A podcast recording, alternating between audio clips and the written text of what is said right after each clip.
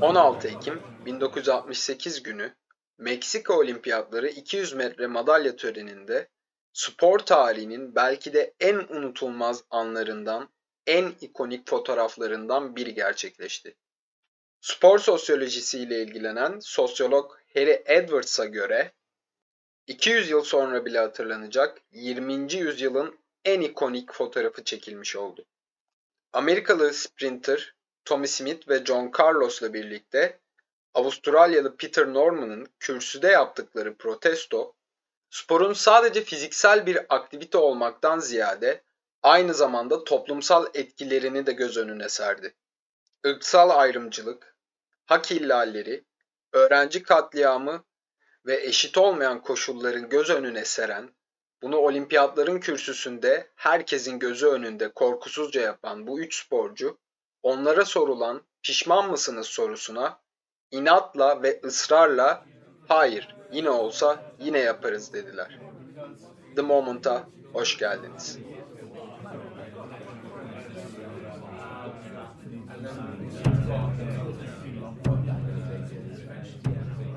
68 ile ilgili aslında akla gelen ilk şey Tommy Smith, John Carlos ve Peter Norman'ın bu akılda kalan protestosu değil.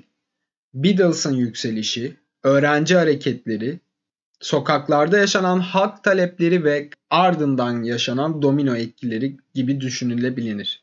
Tüm bu ruhun ve dönemin etkisiyle aslında sadece o günle de alakalı değil bu protesto. Daha öncesine de bakmakta fayda var.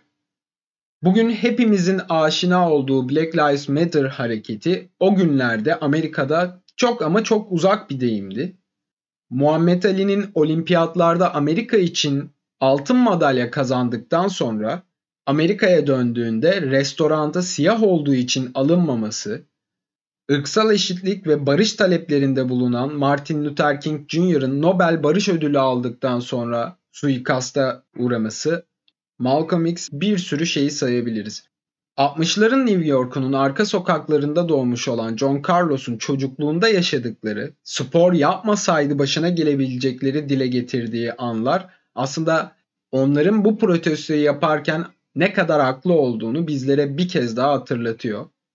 Kara Panter Öz Savunma Örgütü'nün siyahlara karşı işlenilen polis şiddetine karşı sokaklarda devriye attığı bir dönemden bahsediyoruz. Yine de bu protesto anlık bir duygu patlaması veya hadi şu anda protesto edelim diyerek yapılmış bir hareket değil.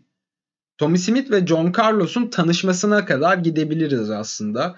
Çünkü protestonun planlanması ve temeli çok daha eskiye dayanıyor. Dünyanın en iyi sprint koçlarından biri olarak kabul edilen ve gelecekte ulusal atletizm onur listesine girecek olan Lloyd Bud Winter tarafından İkisi de bursla San Jose State Üniversitesi'ne davet edildi ve orada rekabet ederken dostluklarını da pekiştirdiler. Aynı üniversitede eğitim veren ve sporcuların spor kariyerlerinden sonra da bir köşeye atılmaması için onlara teorik açıdan eğitim veren sosyolog Harry Edwards önderliğinde insan hakları için olimpiyat projesi gibi bir çalışmanın içinde yer aldılar. Hatta başlarda sporcular olimpiyatlara katılmadan protesto gerçekleştirmeyi, boykot ederek bir farkındalık yaratmayı düşünüyorlardı. Bu çok da mantıksız değil. Çünkü o dönem için dünyanın en iyi sprinterleri olan bu koşucuların olimpiyat gibi tüm gözlerin çevrildiği, hatta Amerika ve Sovyetler Birliği'nin bir gövde gösterisi haline getirdiği rekabetin üst seviyede olduğu bir alana katılmamaları kamuoyunda ufak da olsa bir ne oluyor burada sorusunun sorulmasına sebep olabilirdi. Yine Amerikan hükümetinin ve Olimpiyat Komitesi'nin bu oluşumdan ve sporcuların kendi aralarında konuştuklarından haberi yok değildi. Eski kahramanlardan Jesse Owens'ı sporcularla tek tek görüştürüp olimpiyatta neden katılmaları gerektiğini onun ağzından anlatmasını istediler ki hatırlayalım Jesse Owens Nazi Almanyası'nda olimpiyatlarda Hitler'in önünde altın madalya kazanıp ona beyaz ırkın, Aryan ırkın ne kadar kusursuz olduğunun görmesini ve bu zevki tatmasını engelleyen kahramanlardan biridir. Fakat Jesse Owens'ın genç sporcularla konuşurken olimpiyatlara katılmazlarsa kariyerlerinin bitebileceğini ve para kazanamayacaklarını söylediğinde tepkiler 3 aşağı 5 yukarı aynı geliyordu. Biz zaten para kazanamıyoruz. Biz zaten altın madalya kazanamayacağımız noktaya geldiğimizde sokaktaki herhangi bir siyahiden biriyiz deniliyordu. Yine de dönemi düşündüğümüzde olimpiyatlara katılmadan yapılan bir protestonun bugün bile konuştuğumuz hatta daha yıllarca konuşacağımız unutulması çok zor olan bu fotoğrafın meydana gelmesini engelleyebilirdi. Burada çok doğru bir karar verdi sporcular ve olimpiyata katılıp tepkilerini orada göstermek istediler. Kerim Abdul-Jabbar'ın aksine ki o dönemde Kerim Abdul-Jabbar ismini değiştirmemişti ama hala çok büyük bir basketbol yıldızıydı. Bütün gözler onun üstündeydi ve 68 olimpiyatlarında Amerika adına olimpiyatlara katılmayacağını açıkladı. Fakat biz bugün olimpiyata katılan sporcuların gerçekleştirdiği protestoyu konuşuyoruz ve Kerim Abdul-Jabbar'ın protestosunu, boykotunu dipnot olarak paylaşıyoruz. Buradan da aslında şunu anlayabiliyoruz. Ne kadar doğru bir karar verdiklerini görebiliyoruz. Sporcuların çok temel talepleri vardı aslında. Amerika'da süre gelen ırk ayrımcılığının sona ermesini istiyorlardı. Uluslararası Olimpiyat Komitesi Başkanı Ever Brandage'ın görevinden uzaklaştırılmasını istiyorlardı. Çünkü Ever Brandage aslında adını bile anmak istemeyeceğiniz kirli bir Nazi sempatizanı. Hatta Amerika'nın savaşa müdahil olduğu yıllarda Amerika bu savaşa karışmamalı şeklinde açıklamaları olan böyle bir hareket başlatan herkesin de bunu biliyor olmasına rağmen hala görevinde bulunabilen ve e, yerini koruyan kirli bir karakterdi. Kaldı ki savaş sonrası ele geçirilen Nazilerin Amerika ile yapılan anlaşma karşılığında birçoğunun serbest kaldığını da bugün çok rahatlıkla bilebiliyoruz.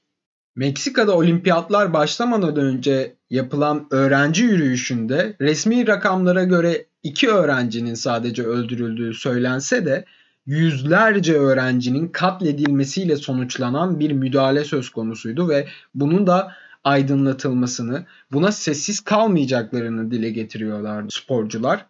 Bugün baktığımızda hepimiz için çok mantıklı ve makul sebepler. Evet bugün Black Lives Matter hareketinde basketbolcuların tepkilerine belki kamuoyu ve spor severler olumlu tepkiler verebiliyor ama o günler için şartlar aynı şekilde gelişmemişti. 200 metre finaline çıkıldığında Tommy Smith ve John Carlos birinci ve ikinci sırayı paylaşacağı kesin gözüyle bakılıyordu. Çünkü protestolarının yanı sıra gerçekten çok iyi sprinterler ve çok yetenekli koşuculardı ikisi de.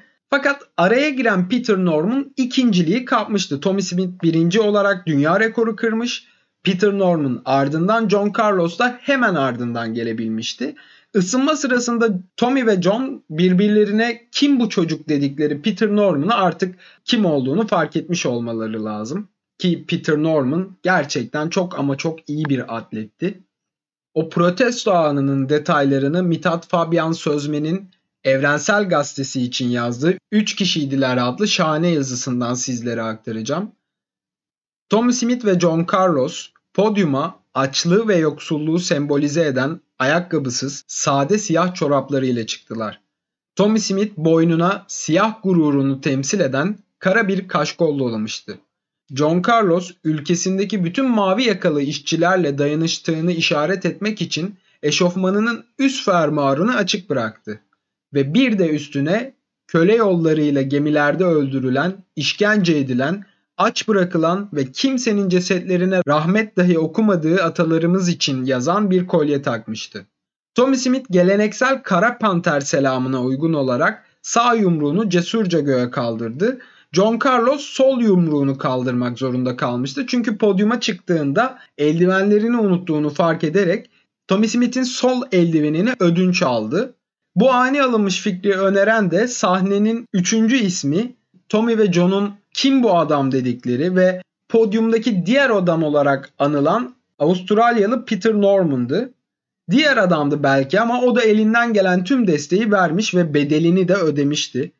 ülkesinde büyük eleştirilere maruz kalan Peter Norman 1972 Münih Olimpiyatlarına kalifiye olmasına rağmen götürülmedi. Sadece Peter Norman değil, Tommy Smith ve John Carlos da bu protestolarının ardından madalya kazanmalarına rağmen Ever Brandage'ın talimatlarıyla apar topar olimpiyat köyünden ülkelerine yollandılar.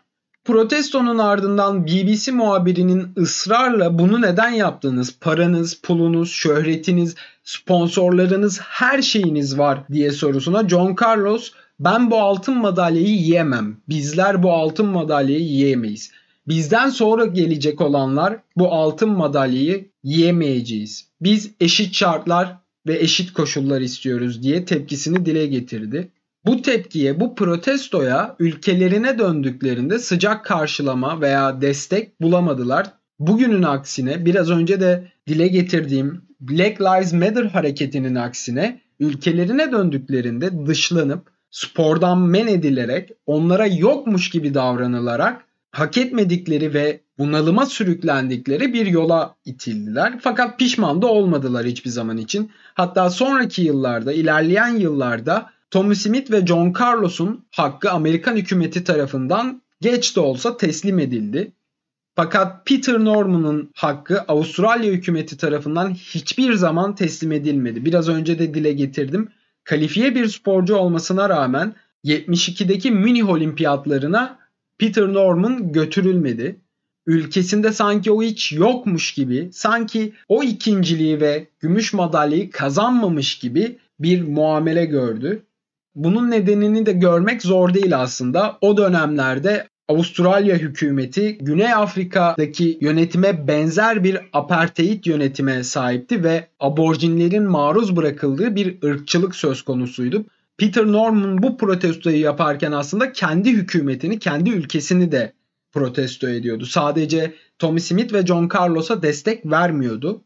Peter Norman'ın yeğeni Matt Norman 2008 yılında Salüt yani Selam adında bir belgesel yaparak onun yalnızlaştırılmasını çok güzel bir şekilde dile getirmişti. Buradan onu da tavsiye etmiş olayım meraklılarına. Aradan geçen yılların ardından Avustralya'da düzenlenen Sydney 2000 olimpiyatlarında Olimpiyat Gurur Komitesi'nde Peter Norman yer almadı ve yine oraya gelen Amerikalı siyahi bir sprinter kendisine ısrarla önerilen isimler yerine Peter Norman'la tanışmak istediğini, onun kendisinin kahramanı olduğunu söyleyerek Peter Norman'ın hayaletlikten çıkarılmasını hedefledi. Fakat bu ne kadar işe yaradı ve Avustralya hükümeti ardından özür dilemiş olsa da Peter Norman'ın yaşadığı bunalımlar hayatını ne, ne kadar etkiledi? Salute adlı yapımda bunu görebilirsiniz. 2005 yılında John Carlos ve Tommy Smith'in heykelleri mensubu oldukları Kaliforniya'daki San Jose State Üniversitesi'nde bahçeye dikildi ve bu heykelin farklı bir yönü de var. O ikonik fotoğrafın birebir aynısı. Tommy Smith'in sağ yumruğu havada, John Carlos'un sol yumruğu, çıplak ayakla, siyah çorapla ve yakaları açık ve madalyaları da dahil olmak üzere fotoğrafın birebir aynısı konumunda. Fakat ikincilik kürsüsü boş. Yani Peter Norman'ın heykeli yok. Çünkü Peter Norman'ın da ifade ettiğine göre o sadece yapması gerekeni yapmıştı ve bunu herkesin yapması gerektiğine inanıyordu. San Jose State Üniversitesi de aslında Peter Norman'ı böyle yad etmiş oldu. Ki bence Peter Norman'ın da istediği şeylerden biri budur. Peter Norman 3 Ekim 2006'da hayata gözlerini yumdu ve cenaze törenine aradan geçen onca yıla rağmen Tommy Smith ve John Carlos yan yana birlikte taşıdılar. Bu da 68 olimpiyatlarındaki protesto kadar ikonik bir fotoğraftır bence. Daha önce de söylemiştim ve söylerken de yine aklımda bu fotoğraf vardı. Yeri geldiği için yine söylemem gerektiğini düşünüyorum. Dayanışma yaşatır. Ne kadar ufak, ne kadar büyük olduğunun bir anlamı yok. Biriyle dayanışma gösterdiğiniz zaman Anlaşın ya da anlaşamayın. Aynı renkten olun, olmayın. Hiçbir önemi yok. Ömür boyu süren bir bağ kurmuş oluyorsunuz. 68 olimpiyatlarındaki protesto fotoğrafı kadar Peter Norman'ın tabutunun taşındığı fotoğrafta bence spor tarihinin en ikonik anlarından biridir. Peter Norman, Tommy Smith ve John Carlos'un anısına saygıyla. Ben Eren Göktepe, Victory Podcast'ten The Moment'ı dinlediniz.